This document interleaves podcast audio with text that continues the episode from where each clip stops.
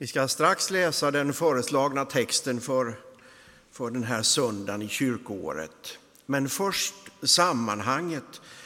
Ehm, Jesus och lärjungarna har diskuterat precis innan den text som vi nu ska läsa. Och det, då har lärjungarna ställt en fråga till Jesus som har handlat om hur de nu då ska bli belönade en gång i himmelriket eftersom ju de uppenbart har övergett allt sitt eget för att följa med Jesus. Och det är den frågan liksom. Vad ska vi nu då få för lön om vi har ansträngt oss lite extra?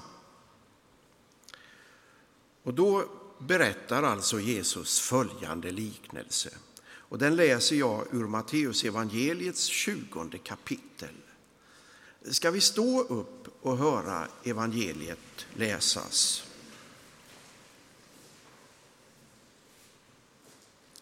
Med himmelriket, säger Jesus, är det som när en jordägare vid dagens början gick ut för att leja arbetare till sin vingård.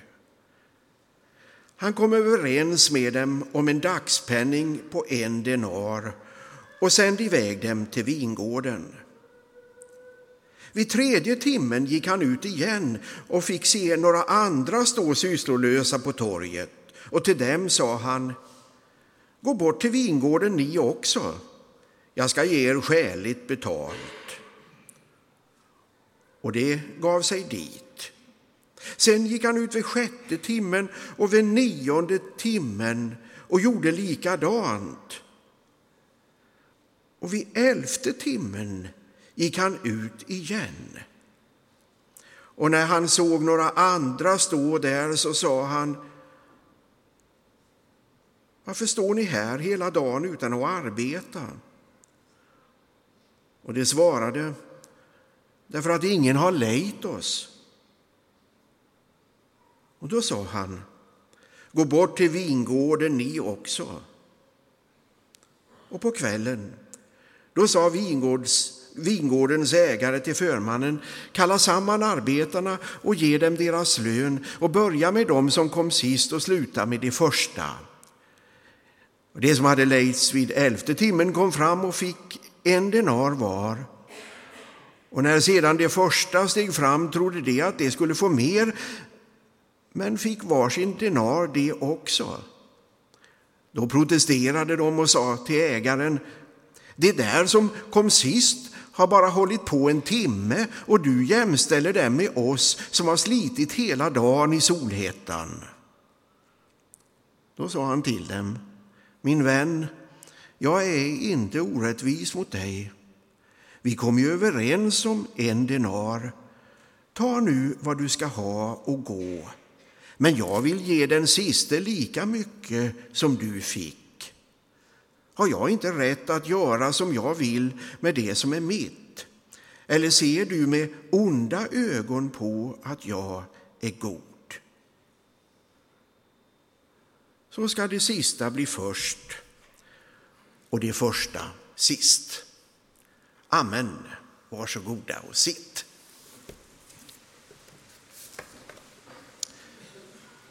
Jesus börjar den här liknelsen med att säga följande ord. Med himmelriket är det. Och så berättar han denna uppseendeväckande historia som slutar med att allihop, oberoende av arbetsinsats, får lika mycket betalt. Mm. Ja, den här texten är ju naturligtvis inte något riktmärke för arbetsmarknadens parter här i världen när de håller sina av, avtalsförhandlingar. Utan det är med himmelriket, sa Jesus, som det förhåller sig på det här viset.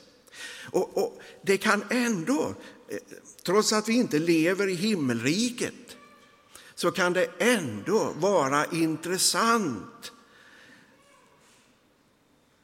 att få en slags hum om hur det egentligen är tänkt för den här världen när allting är som det ska utan att vi har några politiska partier och fackföreningar och annat. Det kan vara bra att ha någonting att spänna sig emot, eller hur? Vi ska nog vara glada att det finns jordiska ordningar. Vi behöver den jordiska rättvisan, lagstiftningen och intresseorganisationer som för vår skull så att säga tar rätt på våra rättigheter. För något himmelrike, det kommer det nog aldrig att bli i världen. Och det som Jesus berättar, hörni, det, det som Jesus berättar skulle ju alls inte fungera i den här världen som världen är beskaffad och framför allt som vi människor är. Nej, det skulle inte gå. Det finns en jordisk rättvisa och vi ska vara rädda och tacksamma för den. Och nog finns det väl ögonblick när man också kan känna en viss glädje över den svenska modellen.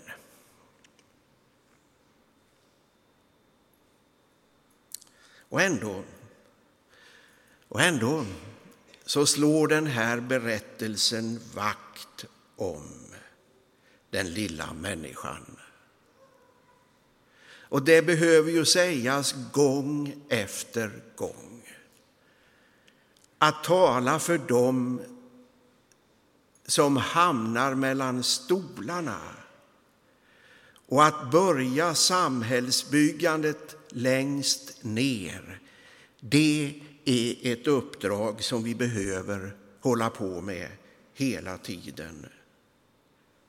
Den här berättelsen handlar inte alls om pengar och den typen av rättvisa, utan den här berättelsen handlar om hur mycket en människa, en sån som du och alla de andra är värda när det kommer till kritan. Därför kan man känna glädje över denna omöjliga liknelse. Hela liknelsen slutar med orden. Det första ska bli det sista och det sista ska bli det första. Och då kan man ju undra, jaha, ska det då sluta så en gång? Att man liksom bara vänder på kuttingen och det som har varit i botten det kommer längst upp och det som har varit högst upp det kommer längst ner. Nej, nej, nej, det tror jag inte alls. För då skulle ju likväl, när allting det här är över och projektet ska avslutas, då skulle det ju ändå bara gälla efter de jordiska riktmärken som vi har levat med. Så tror jag inte alls att det är. Orden om först och sist betyder, tänker jag, att alla jordiska värderingar och allt det vi har tänkt och så och riktat oss efter, det kommer att ställas på ända och vi står där med förvåning, precis som de stod med förvåning som vid dagens slut upptäckte kors i all sin dar. Här får de lika mycket som kom in sist, som vi som kom in först. En slags total förvåning och då talar vi om nåden. Om människor överhuvudtaget vid slutet av det här livet skulle kunna räddas in i något som kallas för himmelriket, då kommer det förmodligen inte alls att bero på våra prestationer. Utan då måste det till någonting stort som kallas för nåd. Det är det den här texten handlar om. Och det är i nåden, hörrni, som i ett människovärde ytterst är återförsäkrat. I nåden.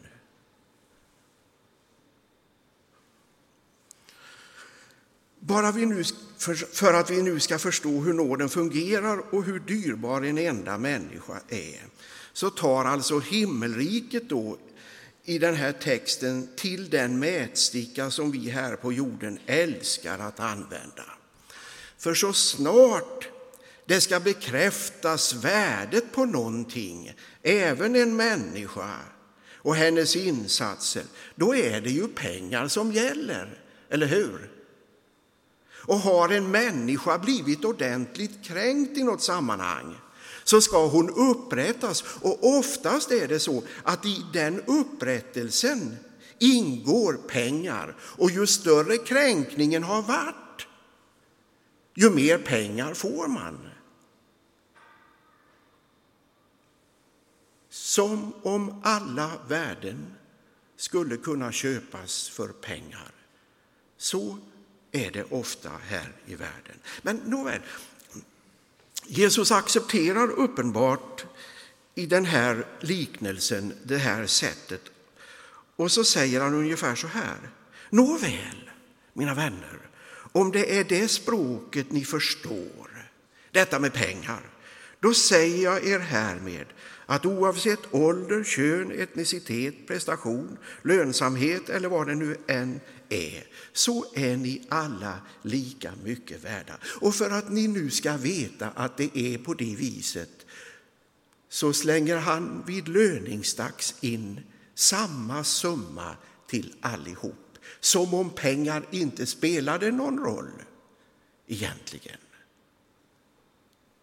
Och det gör de ju inte i det sammanhanget. Det var bara för att visa hur viktiga sådana som vi ändå är i Guds ögon. Berättelsen om det här som kom sent in i sammanhanget som stod där och hängde vid elfte timmen. Berättelsen om dem är ju det intressanta i sammanhanget, eller hur? Därför att det rättar till någonting som vi känner av hela tiden.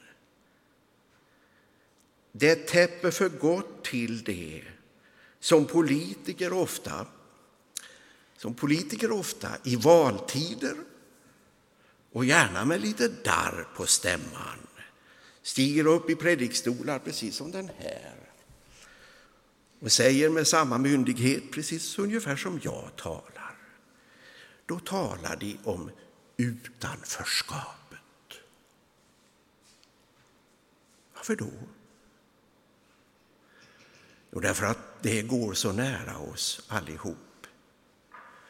Och att de flesta någonstans vet vad det vill säga att känna sig lite vid sidan av. Utanförskapet. Jag kan ge er bara ett alldeles enkelt exempel på hur jag förstår den här berättelsen. Tänk dig att du sitter där ute utanför kyrksalen på en av bänkarna där alldeles ensam.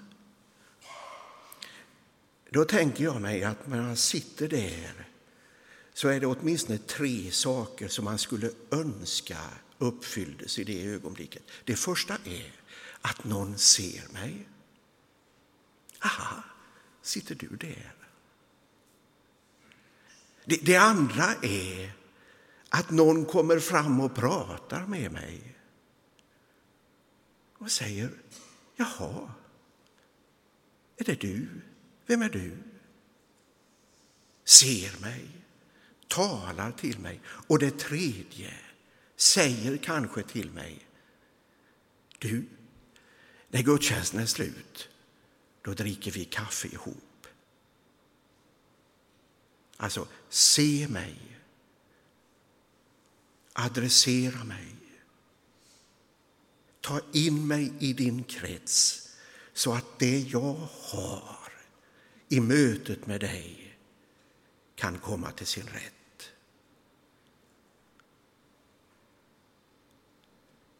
Vem av oss här vill ändå inte att det skulle vara så? Och, och skulle vi inte också önska att världen vore så beskaffad så att inte någon enda saknade de tre sakerna i sitt liv. Det handlar inte om rättvisa. utan det handlar om godhet.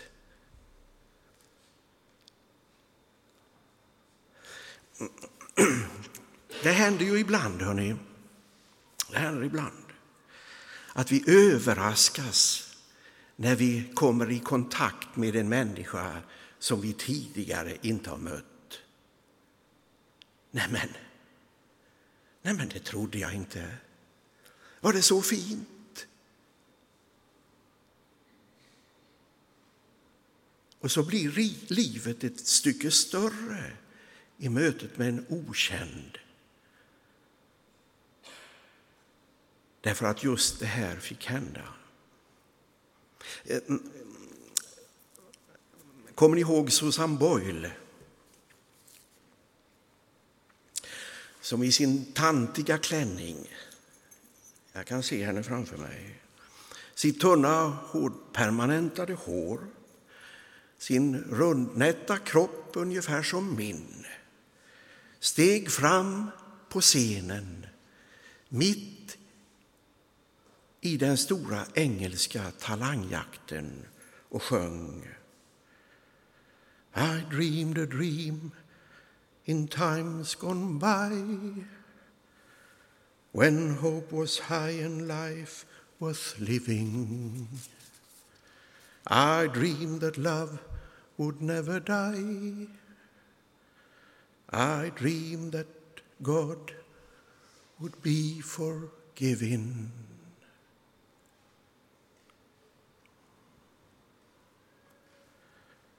Hjulet steg i salongen. Folk stod till slut upp och ropade.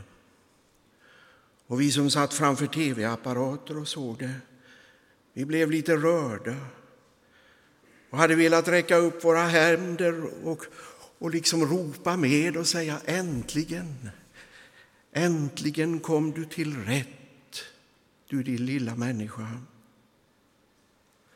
För att i det ögonblicket kände nog varenda en som, som liksom såg det här att nu var det alldeles precis så som det skulle vara. Och efter detta har ju Susan Boyle rest runt världen och blivit som ett underverk i vanlig mänsklighet. Och denna lilla tant och sina kraftiga ben och sina fotriktiga skor och sin berörande sångkonst. Hon gav på något sätt näring åt en dröm som allihop drömmer.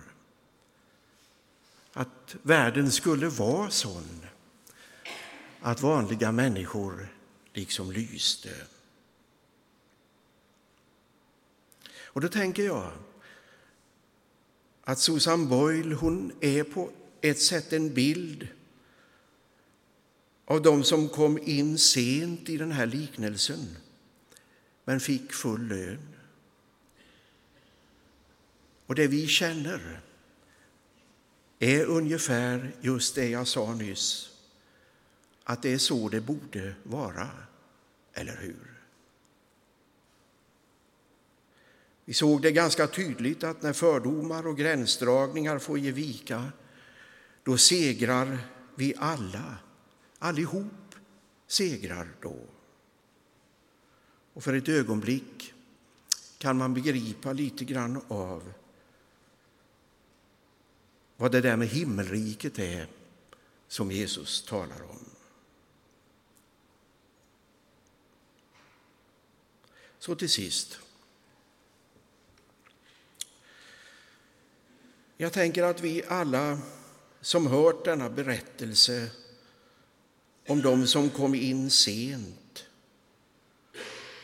vi skulle kanske velat vara på torget den där dagen för att få möta den där ovanliga arbetsgivaren.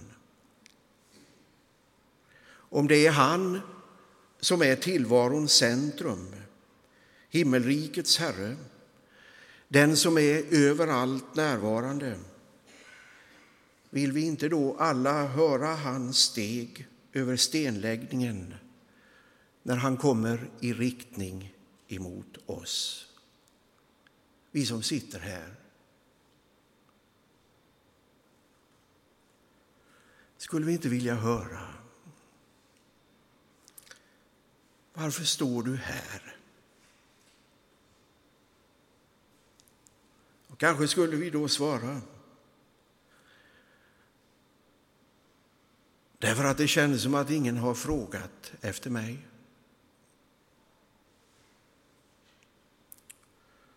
Varpå han svarar. Nåväl, så frågar väl jag efter dig då. Om det är Gud Gud som är sån, vem vill då inte ha med honom att göra?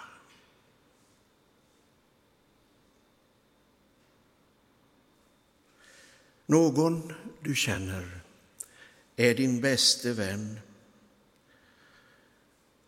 är beredd att ge dig allt utan att begära någonting igen.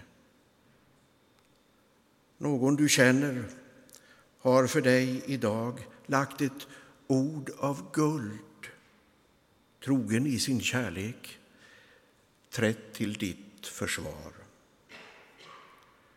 Någon du känner vill dig alltid väl, vill i nöd och glädje gå, hemlig vid din sida, aktsam om din själ. Amen.